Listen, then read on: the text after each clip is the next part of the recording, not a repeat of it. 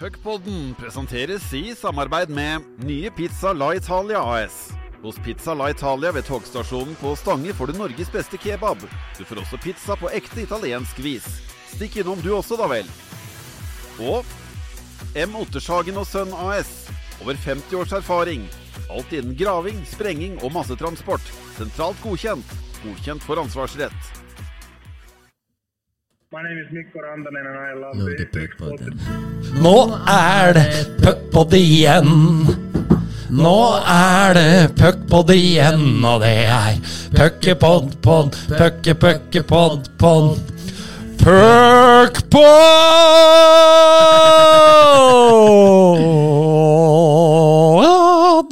Den var sterk, Johansen. Ja, må variere litt, vet du. Ja, jeg veit. Så Jeg kjente jeg ble litt sånn glad og lystig av at du med egen kreativ frihet dro i gang der. Så, ja, det er, ikke, det er ikke mye rom vi har å bevege oss i, nei. men uh, vi prøver å bevege oss innafor den boksen. da. Ja, og det syns jeg du gjorde med glans, og ikke ble sur på meg for at jeg ikke fortsatte her. Det var ikke meninga å ikke skulle dele det der, men jeg syns det var veldig gøy å se deg i aksjon aleine, og derfor ble jeg bare sittende og nyte det der. Det er jeg helt sikker på at lytterne også gjorde. Det tror jeg òg. Eh, Så, så sånn er det. Eh, Vi må ta en formalitet først, da. Eh, Bendik, det glemte jeg rett og slett i forrige sending. Jeg tror det hadde gått bra, men jo, jeg er jo ute i pappaperm nå. Yep. Eh, Kanskje var det derfor jeg dro på også, for da slipper jeg å, å møte lyttere i hallen og, og, og måtte stå for det jeg har synget. Ja. Eh, men eh, det er litt viktig å understreke. eh, når man er i pappaperm, så får man jo også foreldrepenger. Og da syns jeg det er greit å bare rydde det av banen med en gang og si at eh, nå er jo jeg her rett og slett på dugnad. Ja. For at jeg syns det er veldig, veldig gøy å spille inn denne poden. ja. Det blir jo en fritidsaktivitet. Ja, ja, ja. Det er, det er et enormt offer du gjør for puckpoden, og vi takker deg for det, Erik. Jo. eh, takk. Ja. Ja. Men da er det i hvert fall sagt, Ja. eh, og det er litt viktig. Ja. Så den ikke blir, ikke bli tatt for svindel der med Nav. Det hadde vært tungt. Nei, altså Eller bli mistenkt for det, heter det vel. Du har ikke noe lyst til å være som 98% Nei da. Eh, men veldig mange av norske politikere. Du har ikke lyst til å være en svindler og en kjeltring og en bedrager og en ekte møkkamann. Det har du ikke. Så derfor var det ryddet av banen. Det var det. Eh, I dag så blir det jo ikke helt sånn klassisk uh, rundepod, for eh, det blir det du vel har omtalt som en øl og vold spesial. Liten hyllest til til ropet som pleier å runge innenfor Jordals vegger. Og mm, hvis man er der som bortesupporter når, den, når det mantraet dras i gang, da veit du at snart så scorer Vålerenga. Ja. Eh, og snart så føler du deg veldig, veldig liten. Ja. Jeg har alltid vært veldig svak for klanens Kom igjen Enga og Øl og vold, skamslåtte bønder. For det er, to, det er, det er liksom ikke, det er ikke verdens uh, vass, Altså, det er jo ikke noe sånn uh, det sylskarpe eh, Det mest sylskarpe ropet, men det er noe med takta i det. Øl. Kom igjen, Enga! Kom igjen! Altså, det blir på en måte Alle kan være med på det. Det er veldig enkelt, og det på en måte lager høy stemning. Og jeg tror det er litt guffent å stå der som SSU-er og skulle bryte mønsteret til motstanderen der. Så eneste måten å gjøre det på, er jo å få noe levert på isen. Ja. Og når du da tenker på gamle Jordal, eh, når den dro i gang, da visste du som sagt, du visste at Vålerenga kom til å score, og da helst med ei lompe fra blå, Ja. eh, signert Lars-Erik Lund. For eksempel. Eller en tversover, der klanen er oppe og jubler før passet er sklidd over, og f.eks. Tommy Martinsen dunker den i taket fra, fra andre sida. Så vi har jo snakka om dette tidligere, liksom, men jeg, det er litt mer Det, det gir bitte litt mer gåsehudfaktor, akkurat det der, enn la-la-la-la-la, og bestemor åt en far, la-la-la-la-la, der det høres ut som det er salme, og 24. desember. Ja, det gjør det. Så jeg er sikker på, når man er på nye Jordal nå, da, når den eh, dras i gang, hvis du da lukker øya, så ser du da for deg f.eks. Tommy Martinsen, Le Lund, Ja. eh, en av de gamle Enga-helter. Ja. eh, dunke inn en. Ja. Så hvis du, da, hvis du da har hjertet i SIL eller en annen av klubba som ikke er Vålerenga, så er jeg helt sikker på at uh, traumene presser seg på hvis du bare lukker øya litt når du hører den. Det er eh, rett. Men eh, ja, det ble jo en liten digresjon. Eh, grunnen til at det blir en Øl og Vold spesial, det er jo selvfølgelig hendelsen i Stjernehallen med eh, Dame Malka, som vi i hvert fall har sagt når vi har kommentert. Men det så skal være stum E. Dam Malka. Dam Malka, Ja. ikke Dame Malka, som også noen sier. Men da sier vi Dam Malka. Ja. Ehm, og eh, fighten, eller overfallet, eh, det skal vi komme tilbake til på uh, Grønli. Yep. Så du kan jo egentlig få begynne, Bendik. Jeg veit du er godt forberedt. Ja, jeg er jo godt uh, forberedt, uh, Joe. Uh, nei eh, Vi så jo lørdagens eh, Nei, torsdagens hendelse, selvfølgelig, fra Stjernehallen med skrekk og gru. Eh, hvordan eh, Det er en situasjon som har oppstått. Eh, man ser tydelig at da Malka og Sondre Grønli står på utsiden Eh, Slik jeg ser situasjonen, så ser jeg at Malka kommer inn i fart. Bremser rolig ned og kommer rolig inn mot situasjonen. Kommer ikke noe aktivt inn med tydelig mål for å blande seg inn i det. Det gjør han ikke. Man ser Grønli hekter tak inn, som skjer overalt når sånne typer situasjoner oppstår. Eh, setter vel armen opp i sida på han, og i løpet av to sekunder så har han fått seg tre-fire eh, slag uten hanske midt i trynet, og ligger igjen i en eh, blodpøl ute på isen her. Eh, som gjør at eh, situasjonen eskalerer videre, og du ser jo at andre begynner å blande seg inn. Eh, flere stjernespillere. Noen gjør ikke det også. Eh, men du ser jo at eh, folk begynner å komme til der, og du ser at Mikkel Seigren Kristiansen tar unna en stjernespiller med nærmest med en litt sånn der god gammeldags sånn kaster den over hofta, kneet-variant. Eh, mens blodet blir jo liggende på isen, og så ser du at Hampus Gustavsson kommer ganske fort til for å hjelpe for å hjelpe Grønli, for du ser jo at Hampus forstår alvoret i situasjonen. Ja, Fint, fint gjort av Hampus. Veldig fint. Du ser Eskil Wolds knekker nesten kølla i jubel i ytterkant av bildet. Eh, Du ser Kristiansen tar en ny fight der. Eh, Og så ser man at Hampus er rett bort for å prøve å- hjelpe eh, Grønli. Og grunnen til at vi tar hele hendelsesforløpet her nå, er jo fordi dette er jo jeg og du ser vel på den situasjonen her relativt nøytralt. Jeg, jeg har ikke noe øh, Jeg bryr meg ikke noe spesielt om verken da Malka eller Sondre Grønli sånn utgangspunktet. Kjent med at Grønli har begynt å spille parlaget til Stjernen i år. Og at da Malka har jo Vi prata om tidligere i den poden her ikke spesielt positive ordlag.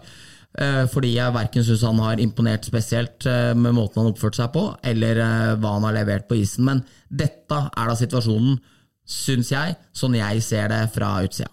Ja, det er jo ikke noe Det du mener å si, er vel at vi har ikke noen sånn sterke følelser knytta til noen av laga eller spillere, nødvendigvis. da. Så vi skal prøve da å analysere det. så Nå har jo du gjennomgått hva som skjedde. Så har jo vi tidligere da vært klare på vårt synspunkt på slåssing i hockey. Eh, vi er vel ikke voldsomt fan. Nei, absolutt ikke. Eh, og jeg synes jo, nå fikk eh, Malka seks kampers karantene, jeg, synes at Norges Hockeyforbund burde gå ut med mye klarere regler om nulltoleransen for å kaste hanskene i fight. Jeg mener jo at hadde Malka gjort det der med hanskene på, så ville han jo utretta mye mindre skade. Det er jo første bud. Eh, Grønli ville fortsatt ha fått bank for det. Du så at Malka kunne å fighte. Det, det var det ikke noe å lure på. Han så ut som en streetfighter som har sluppet løs, liksom, i den begynner å slå der. Så rent slåssteknisk så har man vel ikke sett så mye hvassere eh, i moderne tid enn det Malka Fortel er. Han er jo ikke noe spesielt stor heller, ikke sant. Så altså, det, det kommer eh, Det kommer jabs og, og hooks i en masse der som eh, treffer i stor fart, så på en måte det. Men jeg mener at Hockeyforbundet bør si at å kaste hanskene, det er ti kamper. Altså, det er 15 kamper. Det er 12 kamper. Altså, Og, og da tenker du med intensjon om å slå. Ja. For det, det kan jo skje som det skjer med Grønli. altså, at hansken går jo faktisk men, av. Men, men du ser veldig fort at mister hansken, og ikke kaster hansken. Og det er jo en del av det vi skal inn i her nå. ikke sant? At I starten av uh, virraket etter det bråket her, så hevdes det jo at ja, men Grønli hadde ikke hanske, han heller. Men når man ser nøyere på det, så ser man jo det at han mister hansken når han prøver å forsvare seg, og ender opp med å bli slått helseløs på vei ned isen her. Ja, så er det Vi må ta det, da. Ehm, vi vet at mange er, eh, liker slåssing i hockey, en del av, av menigheta. Ja. Uh, syns det er kult. Vi har jo tidligere når vi har snakka om det, sagt at det der avtalte greiene som de har i NHL, det syns vi er eh, rett og slett fjas. Ja. Uh, og så har vi uttrykt forståelse for at det skjer hendelser hvor man blir heit, uh, som da eskalerer. Ja. Men så er man inne på noe med det der med hanskene, og så har jeg lyst til å stille spørsmålet, da. Det er, eh, spørsmålet kommer etter hvert. Det er, andre, det er ingen andre lagidretter hvor man driver og slåss, altså hvor boksing er en del av spilloppholdet. Eh, og så veit vi historisk i hockeyen, så kommer jo dette her fra en tid hvor dommerne, altså reglene, var annerledes. Så de beste spillerne var ikke beskytta av regelverket. Altså man, eh, Wayne Gretzky hadde ikke vært Wayne Gretzky hvis ikke McSorley med fler hadde vært livvakt for han, så hadde ikke han fått lov å, å drille og holde på. Nei. Ingen som rørte grunn av det. Eh, men nå er det en annen tid, um, og da da lurer jeg på, er det, er det nødvendig? Altså man, man har eh, her til lands, da, så har, har det jo vært sagt mye om DISU og utestengelser og, og eh, trille terning. Men man har jo et apparat som håndterer ureglementerte hendelser og gir karantener basert på det som har skjedd. Ja. Så, så i utgangspunktet skal det jo ikke være nødvendig å, å drive og ha folk på laget som skal være politimenn. Nei, absolutt ikke. Og det er jo, nå forflytter vi oss bitte litt vekk fra Malka her, men eh, Malka Grønlær. men f.eks. i NHL så er det jo fortsatt sånn du ser Pastranak ble satt en ordentlig brikke på av, eh, av han eh, Wonderboyen til Buffalo, han eh, Becken. Eh, Dalin. Eh, helt rein takling. Og Da kommer hele laget til og skal banke han fordi, fordi han takler den beste spilleren deres. Helt klokkerein takling. Så jo nå Conor Bedard fikk seg en ordentlig smell her av Brendan Smith mot, uh, i forrige match, eller i helga nå for Chi- Chicago. Da om han slåss med en eller annen kokos som kommer og skal ta han for en helt rein takling. Så det ligger eh, en litt sånn trigger happiness i å skulle ta igjen i vel så stor grad, føler jeg jo, da, som på en måte det å forsvare spillerne på, på grunn av at regelverket, som du sier, det tar jo egentlig vekk det der nå, ikke sant. Eh, og, og, og det ligger nok i hockeyens DNA, og jeg vet jo at Anders Myhrvold tvitra om det i fjor, at eh, derfor var det viktig å fortsatt ha slåsskamper. Nå prøvde vi å få med Anders Myhrvold på poden i dag, men han var busy skrev hun.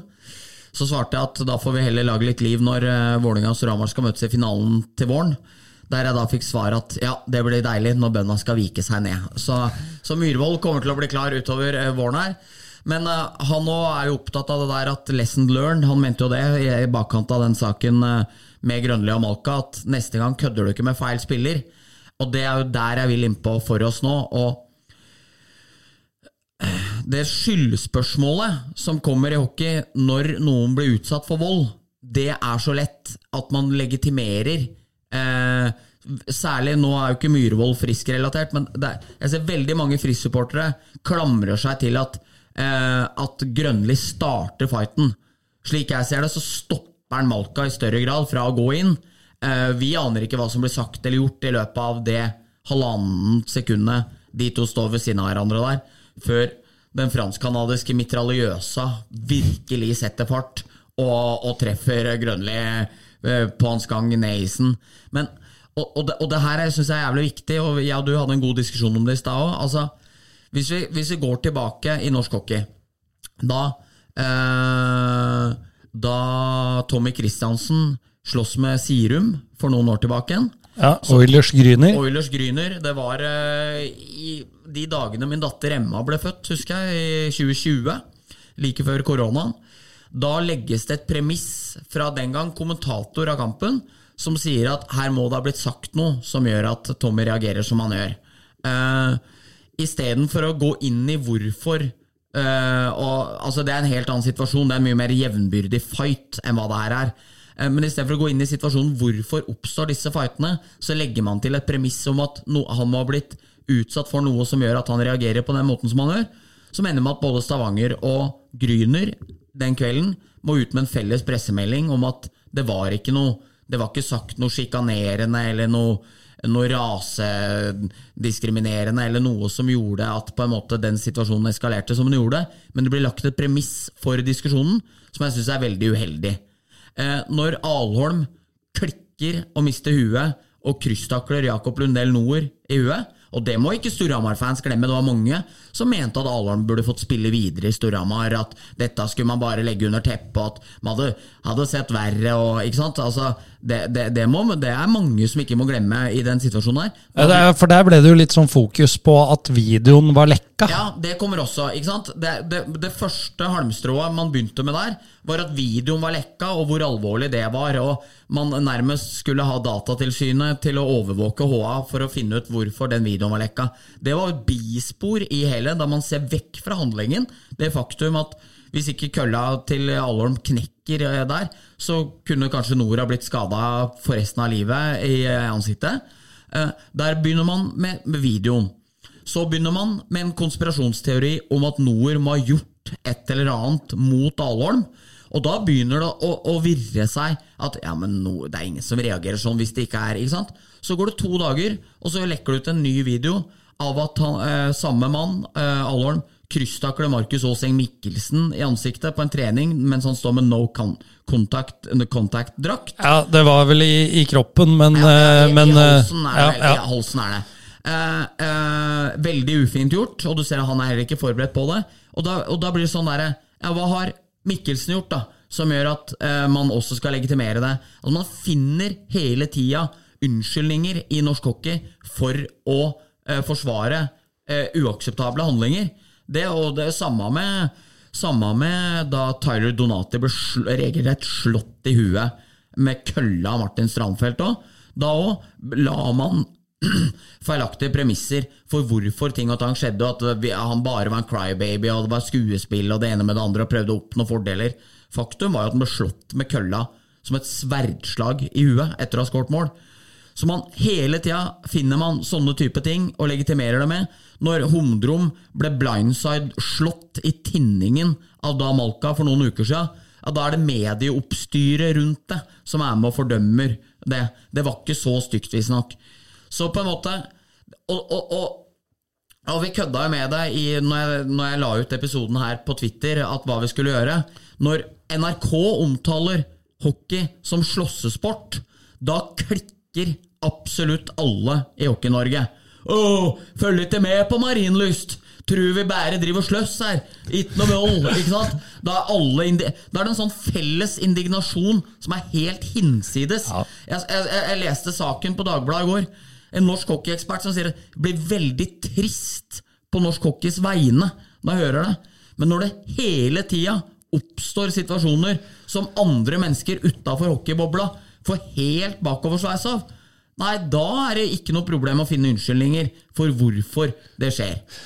Ja, og, og der er du inne på noe, for at uh, de tradisjonelle mediene, da, mainstream media, ja. uh, som ikke skriver så mye om hockey til vanlig, om det er NRK eller VG, eller hva det måtte være. Dagbladet er kanskje et bedre eksempel. VG ja. skriver jo en del om hockey. Ja. Uh, Glem ikke mandagspraten.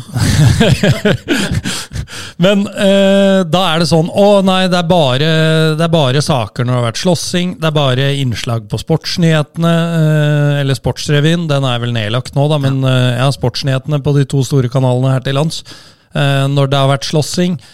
Da må hockeyen, etter min oppfatning, på et eller annet tidspunkt få vekk de hendelsene. For at du kan gjerne kritisere NRK for å omtale det som slåssesport, eller bare vise innslag når det har vært fight i NHL eller i EOL. Mm. Men faktum er at det har jo vært fight. Ja. Og om så det er to eller tre måneder eller et år mellom hver gang, så er jo disse hendelsene hele tida med på å sette hockeyen tilbake. Og øh, vi som er i hockeyen, som er i menigheta, som følger et lag eller flere, vi veit hvordan det er. Vi veit at, det ikke- vi vet at det er en fantastisk sport. Vi veit at det ikke bare er slåssing. Mm. Det er ikke Broad Street Bullies på, på 70-tallet. Eh, Sånn er ikke sporten lenger. Nei. Men de som ikke følger med på hockey, de tror det. Og hver gang noe sånt skjer, om det er i NHL eller eh, her nå med Damalka, så får de bekrefta fordommene sine. Ja. Eh, Jeg skal ikke si hvor det her var, men jeg var på et jobbintervju eh, for noen år tilbake. Jeg har alltid hatt med at jeg uh, har spilt hockey, at, uh, at jeg spilte for Furuset i første divisjon, tenkt at det er en positiv greie. At, uh, at man er med på et lagspill og, og vet hva det vil si, og fungerer i ei gruppe. Og, og, og være lojal og stå opp for hverandre. Men jeg var på et jobbintervju der jeg fikk spørsmål av han som intervjua meg. Jeg ser det står her at du spiller hockey, altså må vi være bekymra for at du mister besinnelsen Ja, på jobb. Ikke sant? Én ting er at det er helt sjukt å spørre om det, uh, uansett. Men det er jo et bilde på hvordan folk som ikke er kjent med hockeyen, Ja. ser på hockeyen. For meg så var det en kjempe øyeåpner. Ja.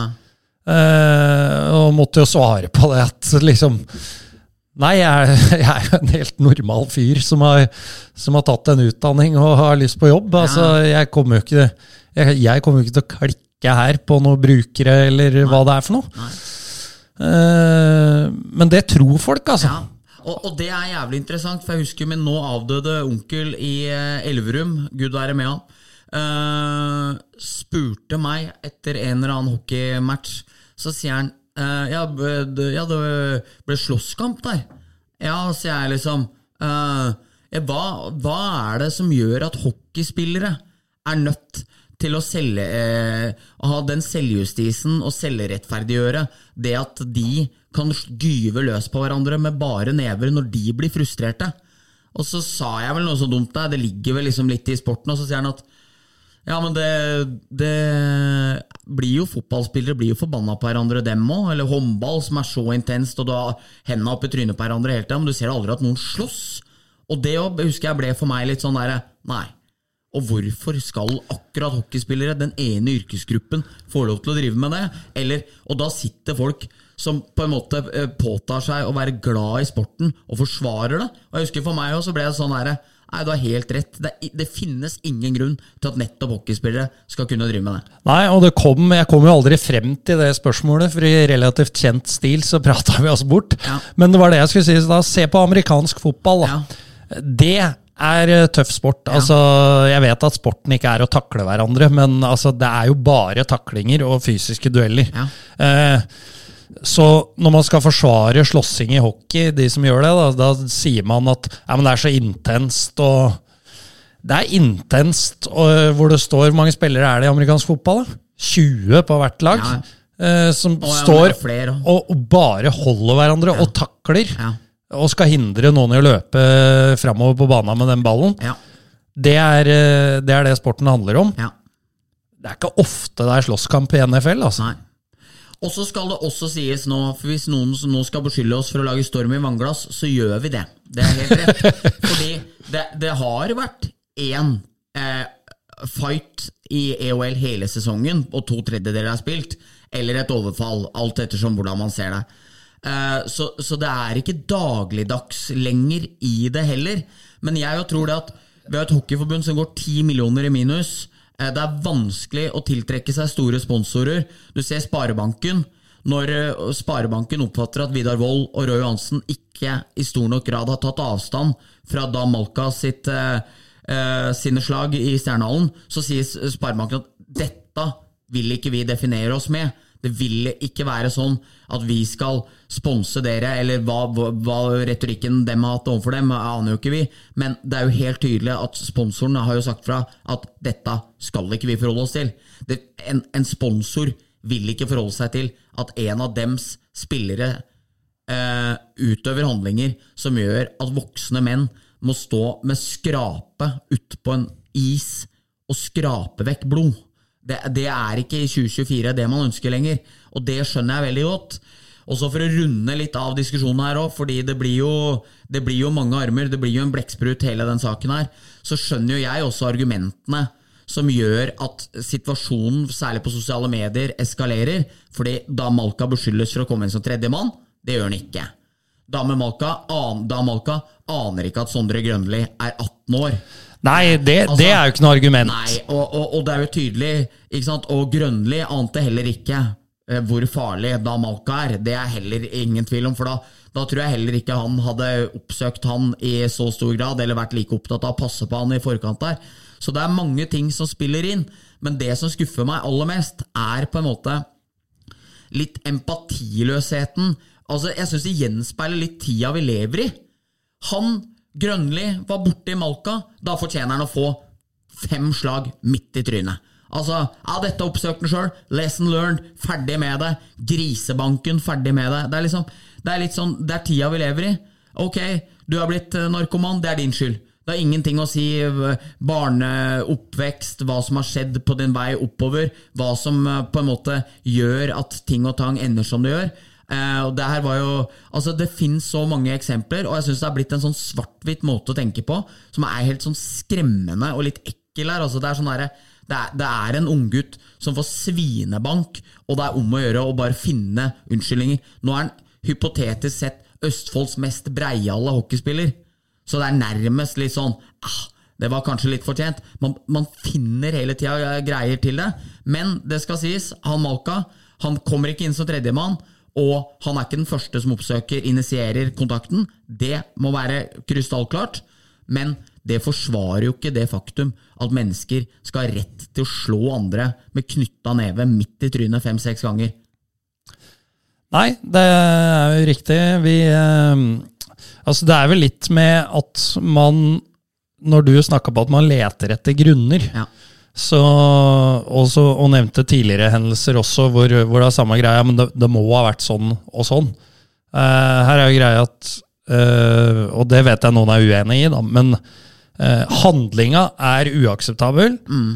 Og jeg tror uansett hvor du står altså hvis I, i fighting-debatten så er ikke norsk hockey tjent med sånne oppslag Nei. som kommer etter sånne ting. Absolutt ikke. Eh, så fra oss her, selv om vi er på bølgelengde, da, Bendik, så blir jo ikke sånn kjempedebatt.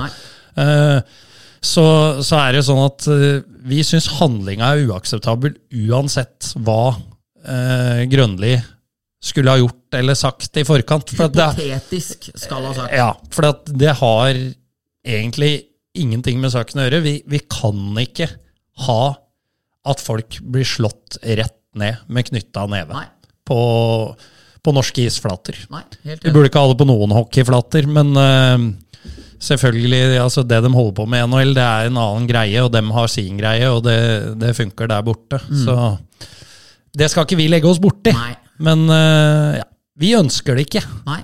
på norsk is. Og, og man ser også her hvor litt inngrodd norsk hockey er, og hvor lite forståelse man har for at de på utsida ikke forstår noen ting av det. Jeg, jeg syns et godt poeng òg er Jeg er veldig, veldig ofte uenig med Leif Welhaven, eh, men jeg syns han problematiserer den eh, skyggesida her av hockeyen på en fin måte.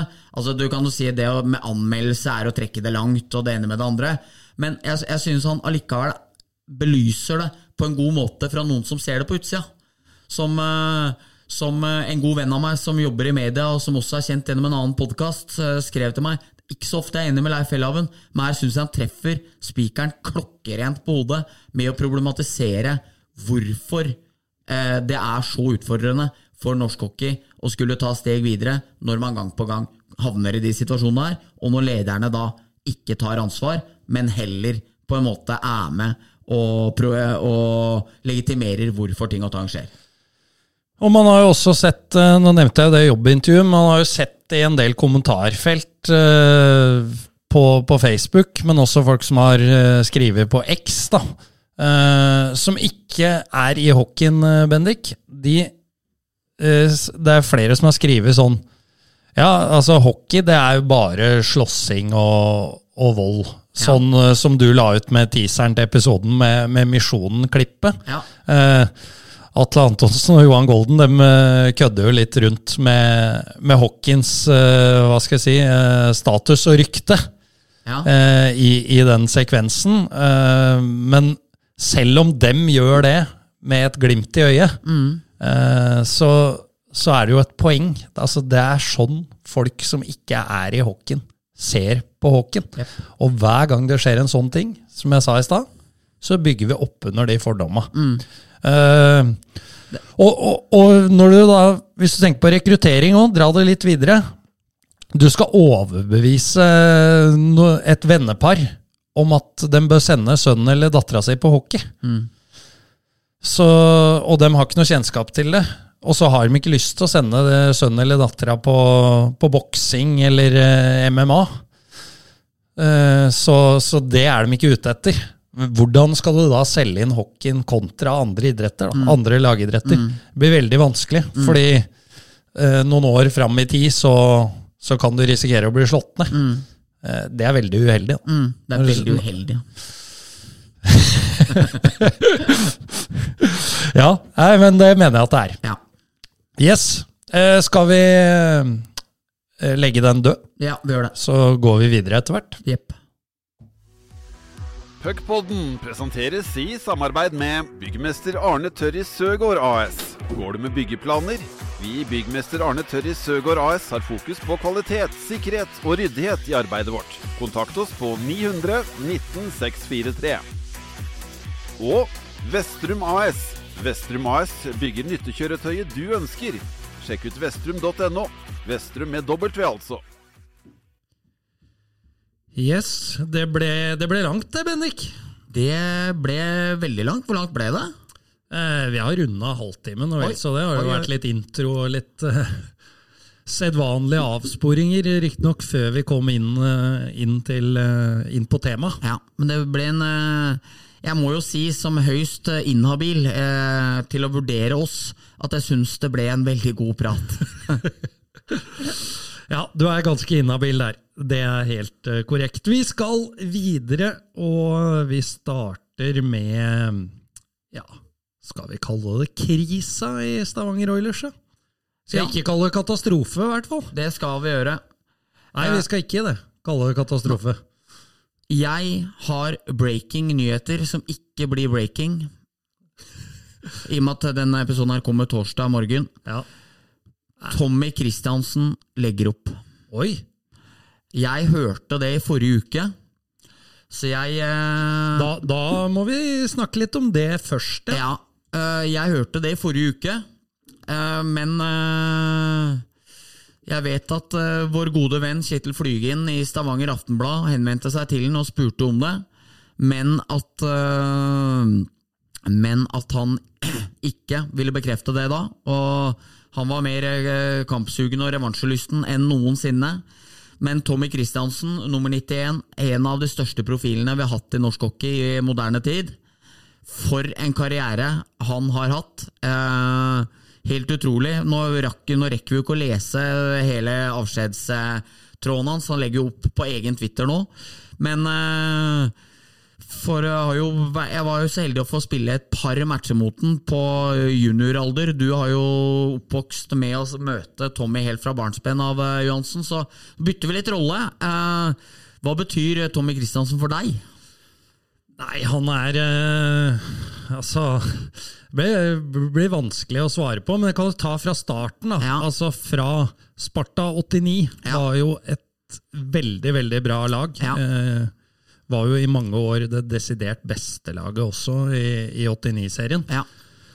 Eh, altså Fra sikkert den første Isostar Cup som Sparta deltok på, så, så ble man oppmerksom på Tommy med E-Tech i hjelmen. ja. Eh, nummer 91 da også. Eh, vi, det gikk jo rykter, dette var jo før sosiale medier, Ja. om, om at han også var farlig. ja. Man måtte passe seg for, for Tommy. Eh, men han var den gangen var han en fantastisk målskårer også. ja. Eh, øste jo inn poeng i et meget bra Sparta-lag.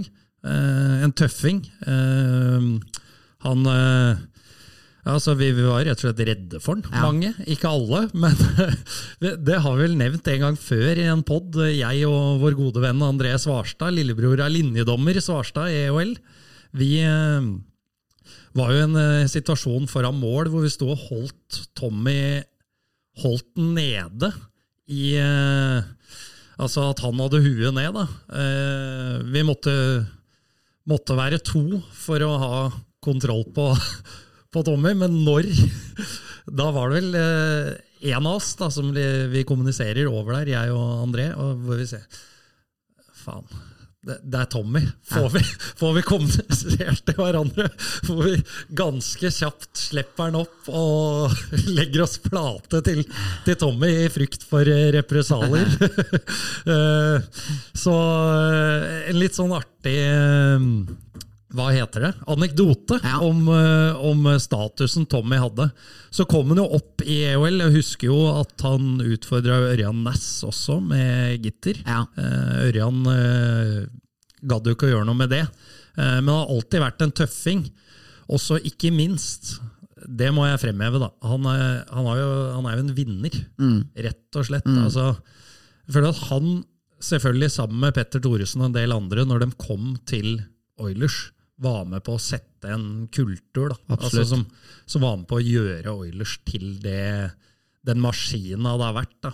Øst inn pokaler. Og så kan man si mye om eh, at Oilers er bemidla og, og alt sånn, og at det skulle bare mangle. Ja. Men han har vært en kontinuitetsbærer i Stavanger Oilers. Og så Og så ja, og så er han eh, Jeg tenkte jeg bare ville fylle på til, når du sa det at han var tøffing og man var litt redd for han og sånne ting, men så var han jævla snill og god. Eh, enorme verdier.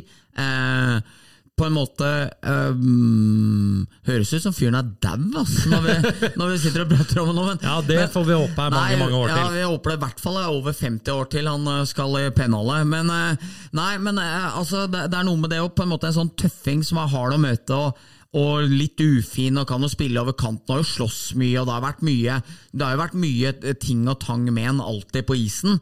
Eh, men samtidig veldig snill, veldig godhjerta, veldig sånn moralsk og fin. Når jeg møter han i Stavanger nå forrige uke, kommer og hilser høflig. Godt nytt, blir stående og skravle lenge, gliser, er hyggelig. Det er liksom alt en Veldig, veldig fin person da, på, på utafor isen, selv om det er et mareritt å møte utpå ut på isen der.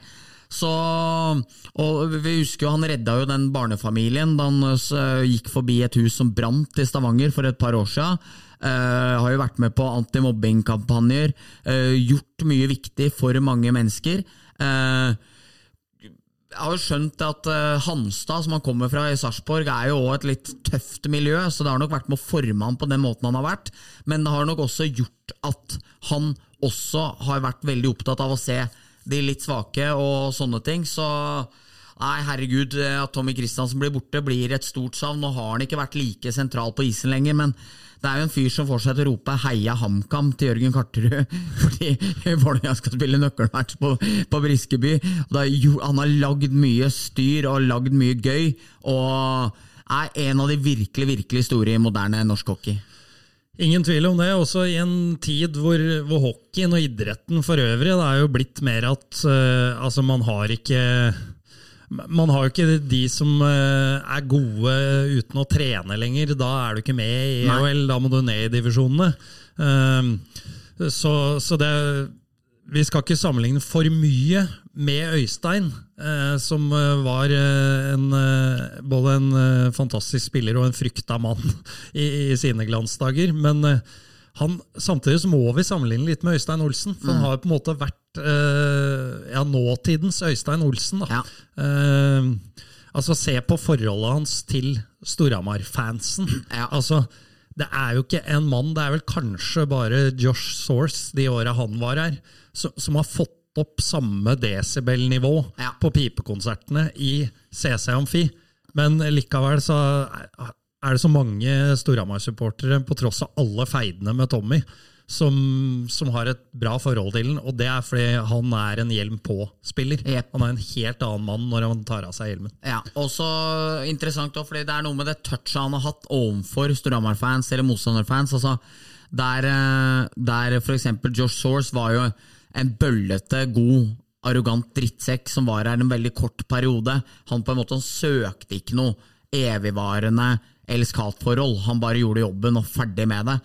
Men når Tommy for et par sesonger siden eh, ble, fikk så mye meldinger fra tribuna, det var en match som fikk fire eller fem tominutter, eller sånt. så plutselig så bare plutselig så heva han det hvite flagget, han tok et håndkle opp på kølla si og liksom kjørte hvitt flagg. da liksom, I surrender. Altså, nei, det har vært enormt mye gøy med Tommy, og det kommer til å bli et stort, stort savn i norsk hockey.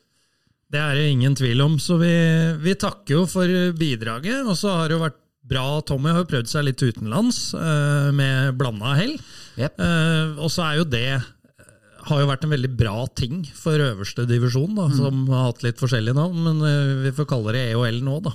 At, at Tommy ikke helt har tatt det steget, for det, det har vært med på å farge ligaen vår. Yes, ingen tvil. Eh, så det er vi, det er vi takknemlige for. Ja. Eh, Så har jo, som du nevnte, vi, vi må ta det, da, i og med at vi snakka såpass lenge om slåssing.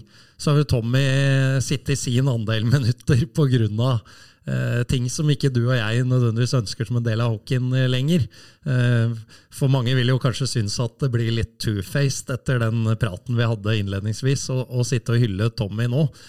Men Tommy har jo bidratt med så mye mer yep. enn en det. Jepp. Så ja. Eh, annen, eh, annen stor eh, ting som han gjorde eh, i CC-Amfi, var vel under finaleserien i 14-15, eh, hvor han eh, tørka pleksiglasset til langsida og den mest intense seksjonen da ved borteutvisningsboksen, hvor han tørka pleksiglasset med, med langefingeren Ja. sin. Ja. Skulle bare dra noen dråper der. Ja. Uh, og det var jo selvfølgelig ingen som så. Det var vel ikke noe TV-kamera eller noe som fikk det med seg. Nei. Men uh, Tommy fikk jo det han ville. Uh, full fyr på langsida, og for, for oss som kjenner Tommy litt, så veit vi at det gir masse energi til han.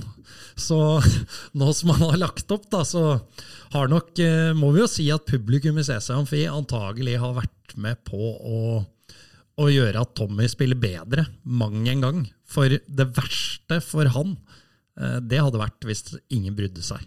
Ja, ingen tvil. Eh, For det var med på å gire opp han. Og så er den samme mann som TV 2 kunne slå fast at det ble skjegghetset. Fordi, fordi Jonas Rønberg, den tidligere Storhamar-spilleren, sto og dro seg i skjegget. Fordi Man kan si mye pent om Tommy, men at han har noe voldsomt skjegg, det, vi, det kan aldri bli det, det er ingen som tar feil av han og Patrick Thoresen, for å si det sånn. Her blir han skjegghetset. Og det var da at Rønberg sto og dro seg litt i skjegget. Så nei, eh, takk til Tommy. Takk, takk. Uh, vi slenger inn mer breaking news, da. Ja. Uh, og dette visste jeg fra før. Ja. Og kanskje kommer det større nyheter òg. Vi skal Ja. ikke røpe for noe mer om det. Eh, men hvis det kommer større nyheter, så veit dere at, at vi visste det. Ja. Selv om vi ikke har sagt hva Nei. det var.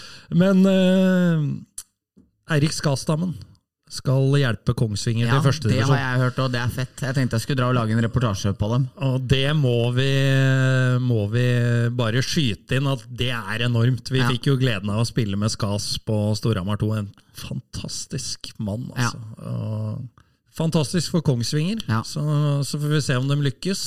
Skjønte Hes trener Hesbråten, som nå er en sånn flytende rolle mellom uh, Scotty Bowman og 90-tallets Ken Holland. Nå, nå kjører han dobbelt her. Nå, han, eh, nå har han prøvd seg på alle gamle lagkamerater. Ville vel ha Øksa og Jensen og Larivé òg. Men Skas bor jo i Kongsvinger, så litt enklere for han, som slipper å måtte gjennom eh, de dype skoger hver dag. Men eh, vi heier jo på at så mange som mulig av gutta med drakta i taket spiller for Kongsvinger. Ja, for det, det har jo vært nevnt sportssjefer som bruker YouTube og Elite Prospect i, eh, i jakten på nye signeringer, Ja. eh, også på øverste nivå, Ja. mens, eh, mens eh, den gamle SIL-helten Hesbråten, han, Ser han, han ser i taket i CC Amfi og henvender seg til de. Så, og det var jo, Da brakte jo du oss inn på det. Det, det er jo også ryktene, da, at det kanskje er noen flere med, med banner i CC Amfi som, som blir med for å jakte førstedivisjonsplass for Kongsvinger. har han prøvd seg på deg nå?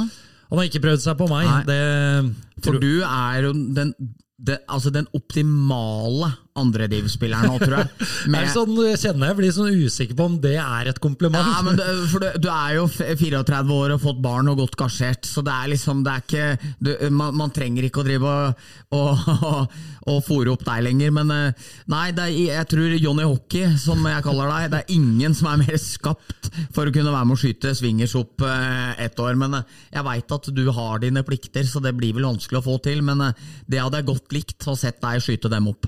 Ja, jeg har, ikke, jeg har ikke hørt noe fra Kongsvinger. Jeg tror ikke jeg kommer til å gjøre det heller. Nei. uh, Det kan hende- at He sover litt i timen her da, altså. Men jeg veit han, Han han hører på, så det er mulig han Det er mulig skal prater han litt i fornuft nå. ja, vi får, vi får se. Det, det var hyggelig i hvert fall. Ja, det var fortjent. Takk for det. Men det vi egentlig skulle prate om, det var eh, det som vi noterte ned her som krise i Oilers. Ja. Eh, Som jeg da prøvde å få med deg på en liten Petter Thoresen-vits i stad, med blanda hell. Ja. Fordi du satt og så på telefon. Så da prøver jeg igjen. Ja. Men det er ikke noe katastrofe. Nei, Bendik. nei, det er ikke noe katastrofe. Jævlig morsomt i det intervjuet der Petter, det berømte intervjuet der Petter Thoresen får rullegardin på sola, så er det jo faktisk Det er veldig underkommunisert. Eh, Men Petter Thoresen sier jo selv det er ingen krise å tape en hockeymatch. Det er det minst farlige Ja. som fins. Og det bra det, Og der legger jo han premisset for at reporteren spør tilbake igjen. Så det er ikke noe katastrofe, altså.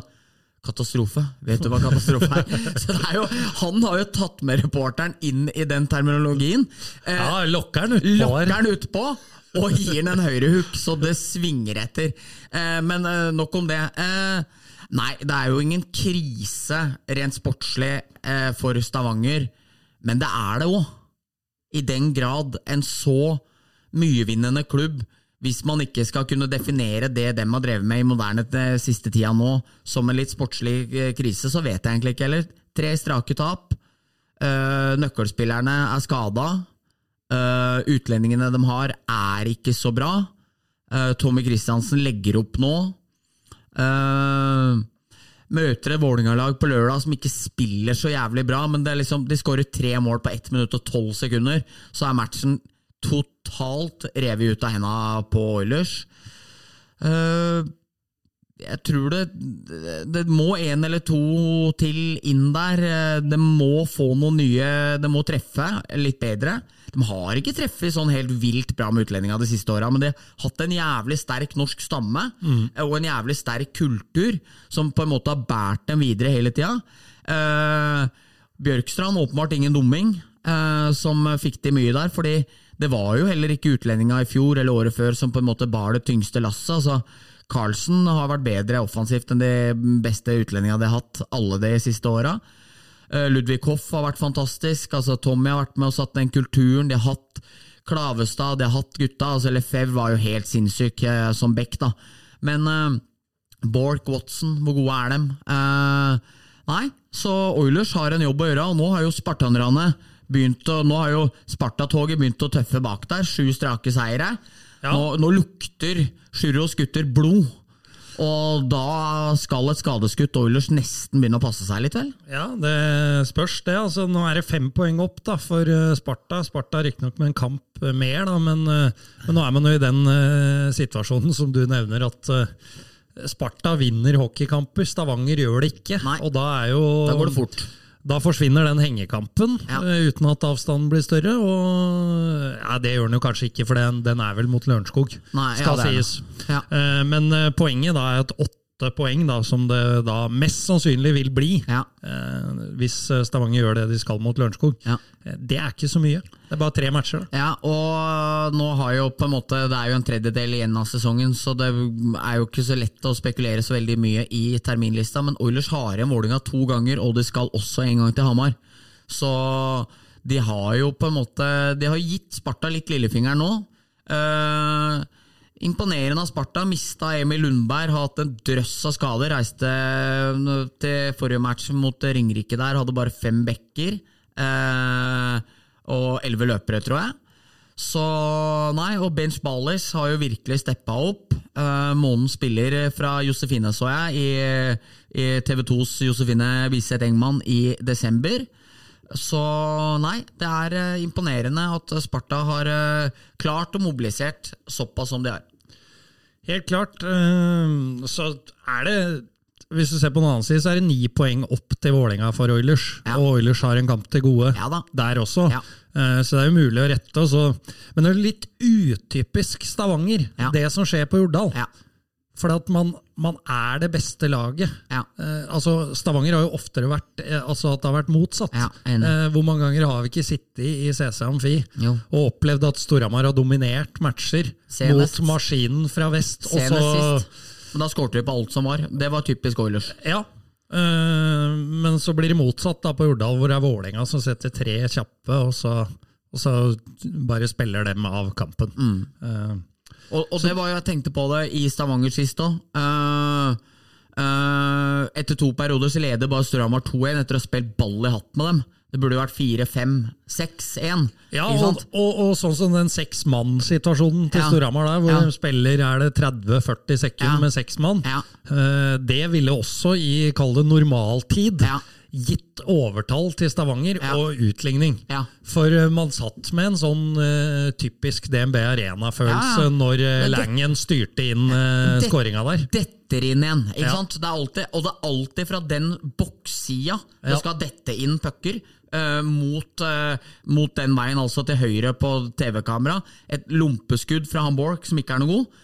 Og det bare Langen bare Og så er det dette inn igjen. ikke sant? Men, men Oilers er jo farlig de første ti minuttene av tredjeperioden, men uten det der klassiske, tunge, jævla Oilers-trykket. Det føles som Storhamar bare sank inn, boksa ut, full kontroll. Varierte høyt og lavt styrespill, pressa Stavanger til å måtte gjøre ting, og så begynner jo Stavanger å kaste pucken i vilden sky, litt desperasjon der. Og da er jo Thoresen og Quenville en klasse Oilers ikke klarer å forsvare seg mot. 3-1 pang, 4-1 i åpent garn matchen sted av. Og da møtte jeg for øvrig Tommy i pausa mellom andre og tredje. Han var helt rasende. Seks skudd på to perioder, for de sier perioder. Du har hørt det? Ja, det, er, det er så rart med e-lyden i Sarp, for de sier 'jeg er redd'. Da, da er redd, da blir det æ. Jeg er veldig redd. Eh, men, men, men periode er periode. Eh, vi, vi har hatt seks skudd på to perioder. Jeg er så flau. Det er flaueste jeg har hørt med på. Eh, Det holder på å klikke for meg. Og var helt vill. Så, så, så og da tenkte jeg liksom sånn Det er så typisk nå Moilers kommer ut på den måten, men det gjorde det ikke. Og Stram har full kontroll og cruiser på toppen. Det er riktig. Kun tapt to matcher eh, så langt. Altså. Det er uh, elleville dager Mm. uh, borte på Vesten. Det er det. Så, så det er imponerende. Og vi sa jo da, Bendik, i forrige pod at uh, vi tror Storhamar vinner serien. Ja. Hvis de ikke taper på fulltid i DNB, og det gjorde de ikke, de vant faktisk på fulltid. Eh, Men så skal det sies, det er jo ni poeng ned til Vålinga, og Vålinga har en kamp i, i banken. ja. Så, så det er jo ikke avgjort. På ingen men, måte. eh, Og Vålerenga og Storhamar møtes jo neste lørdag. ja, Altså ikke det- lørdag nå, men den 20. og det blir en rysare Ja. av en match. ja. Det er ingen tvil om. Nei. Eh, vi skal la runda være runde etter det her, for vi har jo en nyvinning i dag som vi må rekke å komme gjennom. Det har blitt mye lenger enn jeg hadde tenkt. Mm, Meg òg. Eh, men det er eh, bra dømming i CC Amfi Ja. i oppgjøret Storhamar Jeg må si det. Eh, så er det lett å si da at to Storhamar-gutter, som jeg og du er fra barnsben av, eh, tenker at det er bra dømming. Tvert Storhamar får mye mer påpleve motstanderen. Men uh, Storhamar fikk åtte, eller Lørenskog fikk åtte tominuttere, og Stramar fikk to. Og det gjenspeila jo faktisk styrkeforholdet. Eh, det er 2-0 til Lørenskog. Da har jo Lørenskog hatt kampens første påplay, men har sluppet inn i sitt eget overtall. Ja, 2-0 til Storhamar. 2-0 til Storhamar-skåringa kom jo i eh, Lørenskogs eget overtall. Da får Storhamar to rettmessige overtall som det skårer tre og fire i.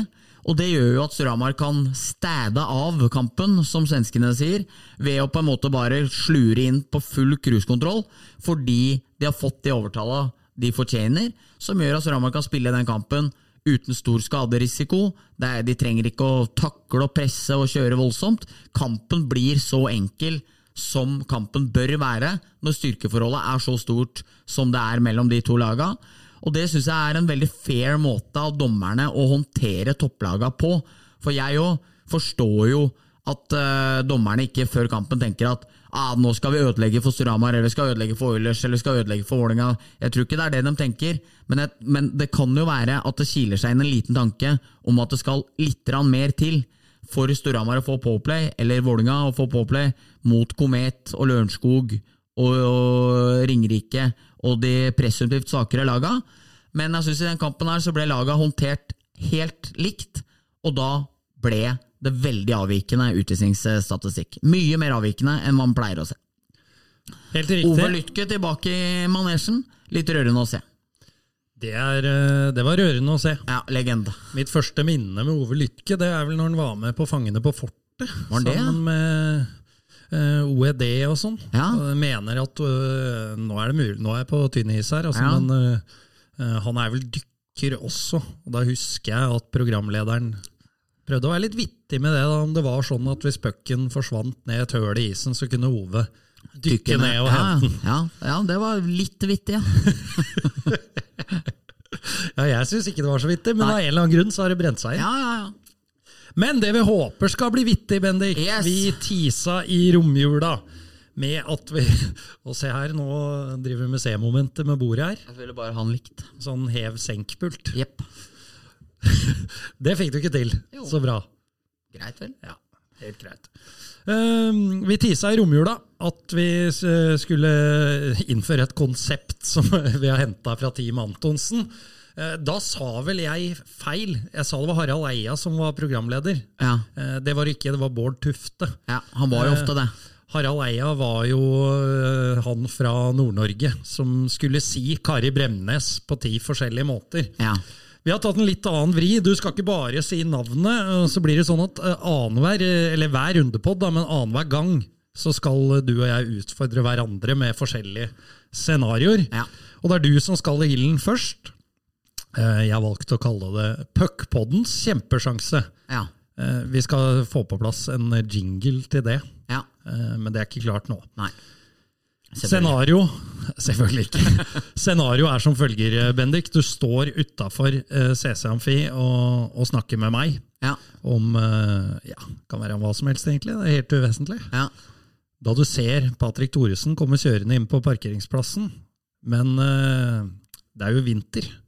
Han sklir. Patrick prøver febrilsk å bremse, men han krasjer inn i driftssjef Tommy Larsens pickup. Uh, og oppgaven din da, det er jo å informere meg, som du står og prater med, om at uh, Patrick har krasja i bilen til Larsen, med, med ordene uh, Patrick krasja i bilen til Larsen. Det skal du si på forskjellige måter, og da har jeg tre måter du skal si det på. Ja. Er du klar? Jeg er klar. Eh, du vet at Patrick ikke frykter noen, og tar hendelsen med stoisk ro. Eh, Patrick eh, krasja i bilen til Larsen. Ja, ja, det er, det er god åpning. Dra litt på skuldra. Ja, det, Ja, vi, vi burde hatt video her. Ja. Det er jo en styrke ved den opprinnelige sketsjen. ja, det er jo det. Men, men det er opp til deg å gjøre det så bra som mulig. Oppgave to. Du frykter represaliene fra driftssjefen på Pats vegne. Frykten sprer seg. Patrick krasja, tror jeg, med pickupen til Det er vel Larsen? Litt oppe i falsett der. Ja. Ja, veldig bra. veldig Ja. bra. Og tredje og siste oppgave. Patrick kalte kollegaen din i puckpodden for tynnfeit forrige gang han gjesta podden. Derfor fryder det deg at Patrick eh, må stå til rette for driftssjef Larsen. Ja, og da, og da må jeg få legge til at det er jo tre, tre eh, besøk siden. Ja. eh, og da kom jo vår kollega Arve Blystad med en gammel donut-eske her med tre kaffekopper i. Der da Tom, eh, Patrick ser på meg med ulmt blikk og sier at donuts-esken er tom, det er vel du som har spist opp alle, Bendik. Så, så, så jeg òg skylder han vel da å på en måte gi en litt verbal maling der. Ja, så altså, Han kalte meg for tynnfeit, og Beskyldte han har beskyldt deg for å spise opp donutsa. og Derfor så fryder det deg at han nå har krasja i bilen til driftssjefen og eh, må stå til rette for det. Oi, eh, Patrick eh, krasja i bilen til Tommy, han! Ja, det, det er bra levert. Eller jeg er litt usikker på hvor bra det var. Det får lytterne avgjøre. Ja. Men uh, du har gitt oss tre forskjellige. ja. Tusen takk for at har- du kom til puckpoddens kjempesjanse. det er bra, Bendik. Så gleder vi oss til om to uker, der jeg skal få prøve meg. Yep. Vi se om det er noen sånn radioteaterprospekter iblant oss. Kanskje er det det. Kanskje er det det.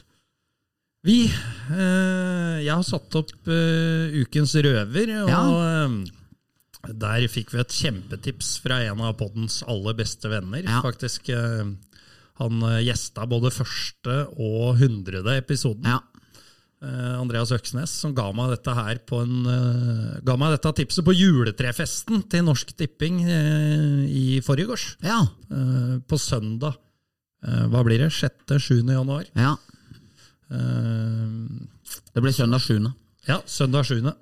Så, men det er en god historie fra DNB Arena. Ja, det er det. Eh, vi vet jo alle at da Lillehammer ble ribba til randen i fjor vinter, og reiste rundt med et sirkuslag som eh, egentlig hørte langt mer hjemme i førstedivisjon enn i eh, daværende Fjordkraftligaen, eh, så reiste jo de til Stavanger med det var vel om, De hadde vel nærmest med seg kuleramma til eh, det julekalenderlegenden eh, legenden Benny Jensen. Det visste at her kom det til å bli mye. Eh, og det er jo da man på en måte putter litt penger på tavla. Det har man jo sett gjennom Iskrigerne for eh, mange. ikke sant? At Møter Vålinga, Storhamar eller Oilers eller Lørenskog, så la de ofte mye penger på potten. Nei, på tavla, som skulle gå til en felles pott som man bruker til noe gøy etter sesongen. Og Da er det jo vanlig med 500 000, og kanskje til og med 5000 er jo det man har sett. Eh, Deres russiske trener, Aleksandr Smirnov, han hadde vel sånn semitrua på, på det opplegget Lillehammer skal eh, ha gjort da. I beste fall halvtrua. I beste fall halvtrua, og skal da ha satt den nette sum av én million kroner på tavla dersom Lillehammer tok seg av, eh, tok seg av eh, eh, Oilers i den matchen. Nå slapp Sasha å betale én million til spillerne. Eh, Rent sånn økonomteknisk òg, så lurer jeg nesten på hvordan det gjør seg. Men i hvert fall, så Sasha han eh, slapp å, å måtte betale spillerne sine én million kroner. Den er sterk av Sasha. Ja, Den er sterk, ja. Da, da sier du indirekte at her er vi sjanseløse, liksom. Ja, og det hadde vel ikke Det hadde vel kanskje ikke blitt sånn kjempegodt mottatt uh, på kontora i Eidsiva Arena heller, hvis Sasha hadde inspirert guttene til å knipe én kvartfinale, sånn at de måtte ta en ekstra flytur til, til Stavanger. Nei, det er for så vidt sant. Men de kjørte kanskje buss, Nei, jeg tror faen meg det fløy. De gjorde det, ja. Ja. Ja, ja, de rydda jo opp der og solgte spillere til SIL, og, så det kom jo inn noen midler. Ja. Det er sant, det. Nei, men eh, det er, eh, det er motivering på høyt nivå. Absolutt. Eh, fungerte dessverre ikke i praksis. Nei. Så, da er det jo tida igjen, da. Da skal du få gjette, Bendik. Tror du at jeg har fått lest inn den Obos uh... Kan jeg aldri i verden tenke meg. Nei, har ikke det. Nei. Nei. Men nå vil jeg høre høy på Obos igjen. Må gå inn i rollen. Ja. Ukens blomsterkvast og ukas kaktus presenteres i samarbeid med Obos! Visste du at som Obos-medlem får du halv pris på K-feltet i Amfin? Da kan du jo ta med kjerringa og begge unga på kamp for 320 kroner. Da blir det mye penger til popkorn. Si. Gå inn i Silappen og bestill. Halv pris der, altså. Ja. Veldig bra. Takk. Jeg ble nesten andpusten. Det ble et bilde på eh, den fysiske formen. Ja. Antagelig. ja. Men det var det. Vi skal ha ukens kvast og kaktus, altså. Eh, jeg kan starte denne, denne mm, uka, og det går selvfølgelig til eh, Emil Lilleberg. Debut i NHL. Eh, fantastisk gøy for, eh, for norsk hockey. Det Var ikke noe for SA. det, det var ikke det. Dem skulle ikke skrive noe om det. Nei. Nei, men det er jo klart Holøs har jo spilt i NHL, så det var vel ikke Det er jo blitt noen spillere. Så. Så det var ikke noe å slå opp. Eh, han skal få kvast for det, men uh, han skal få en enda større bukett for eh, intervjuet sitt når han forteller om at han uh, har blitt kalt opp til uh, Tampa med, med Hva var det det sto på X der? Det sto uh, en stilstudie i serpeengelsk. Ja. A call up, and eh, jeg bare wow. Der burde vi jo selvfølgelig hatt klippet, men det har jeg ikke forberedt. Så da ga jeg en sånn gjengivelse etter ja. egen hukommelse. Men det var noe i det draget, var det Ja, var det. Jeg hørte den inn i pauseintervjuet der, og det var ehm, jeg jeg så Puckpoddens gode venn Marius Huseby eh, tvitra kjempemoro, men må jobbe litt med engelsken, Emil, eller et, eller annet sånt. Jeg tenkte at det var vel ikke helt spot off, nei. Eh, må jobbe litt med engelsken. Men ellers, Emil Lilleberg, eh, vi har jo rost han masse i den podkasten her tidligere. Han er jævla god, så det der var uh, skikkelig fett uh, at han eh, kom opp der. Så vi heier på Emil. Sammen med resten. Der er Hockey Norge sterke, det skal sies. Ja. Det er genuint sammen, uh, samstemte på å ønske at våre menn skal lykkes. Så jævlig fett å se Lilleberg i uh, Over There. Helt enig. Så var det din eh, blomsterkost, da. Den går til materialforvalteren på Storhamars uh, gutte 16-lag, Vegard Jensen. Eh, en av, eh, en av Hamar Westhockeys aller hyggeligste menn. Eh, spurte i går om han kunne slipe skøytene mine etter at det har vært litt mye på Grevløkka og Børstad denne julen. Eh, Litt mye, det var selvskryt. Jeg tråkka på stein på Grevløkka da, jeg var der. Så jeg hadde, noe, jeg hadde noe spann som ikke så ut. Og jeg spurte Vegard om han kunne fikse det. Det ble gjort på den strakeste arm, med stor glede. Med, med stor selvfølgelighet og eh, stor yrkesstolthet, der han sto og slipte skøytene. Og han sliper fortsatt for hånd. Han putter ikke skøytene ned i de der nymotens maskinene og lar dem gå. Han gjør jobben ordentlig. Så Vegard Jensen, han får min eh, blomsterkvast. Ja, Det er jo også meget fortjent. En god mann. En god mann, hyggelig mann, Ja. dyktig mann. Ja. Så var det oppsummert. Yes. Kaktus, der eh, Der har jeg slitt litt denne uka. Altså man, eh, etter det vi prata om i starten, her, så skulle man jo tro at det er nok å ta av. Men jeg har lyst til å kanskje slenge meg litt på det du sa. da Vi har prata mye om kommentarfelt og sånn tidligere, men eh, jeg syns debattklima når det skjer, altså i lys av eh, det som skjedde nå i Stjernehallen, da. Ja. Men det gjelder generelt. Altså, det der med at alt er svart-hvitt ja, det er helt på trynet. Hvis du er uenig med meg, så er du en idiot, og da gidder ikke jeg å snakke mer med deg. Eh, Det syns jeg fortjener en, en kaktus. Så, så har jeg samtidig vært uh, da ganske nøytral. Da har jeg ikke tatt parti med noen, Bendik. Nei. Da bare sier jeg at uh, vi må kunne utveksle meninger. Eh, Enig, Altså, Helt enig. Uten at du er en idiot for at du mener noe annet enn meg, da. Det er uh, poenget mitt. Jeg er helt enig med Erik. Det er, eh, det er et ordskifte som er blitt helt fryktelig. Også litt interessant i, i forbindelse med den debatten vi har stått i nå med Dan Malka, hvordan f.eks. Fredrikstad Blad-guttene eh, er, meningsbærende i diskusjonen. Uh, er jo ikke dette her Tut og mediekjør, som er en uh, mediekritisk podkast, men eh, en annerledes rolle enn hva f.eks. jeg har tatt når det har, valgt, når det har gjeldt skjenkesaken i Hamar, eller eh, Bresjak-beatinga med Tommy, eller med situasjoner der det på en måte forventes at jeg vil gå inn og dekke saken. Og da, men eh, ja. Eh, det, det var òg interessant å se, og spesielt eller annerledes i ordskiftet enn eh, hvordan eh, ting og tang ofte er når man eh, diskuterer på, på nettet. Eh, Jeg vil gi min kaktus denne gangen med vondt hjerte, fordi jeg syns Vålerenga er blitt jævlig bra på arrangement. Og jeg syns Kyrre Mergs kommentar om at Petter Thoresen er blitt en mediemessig rettesnor, er noe av det beste som er levert på sosiale medier i nyere tid.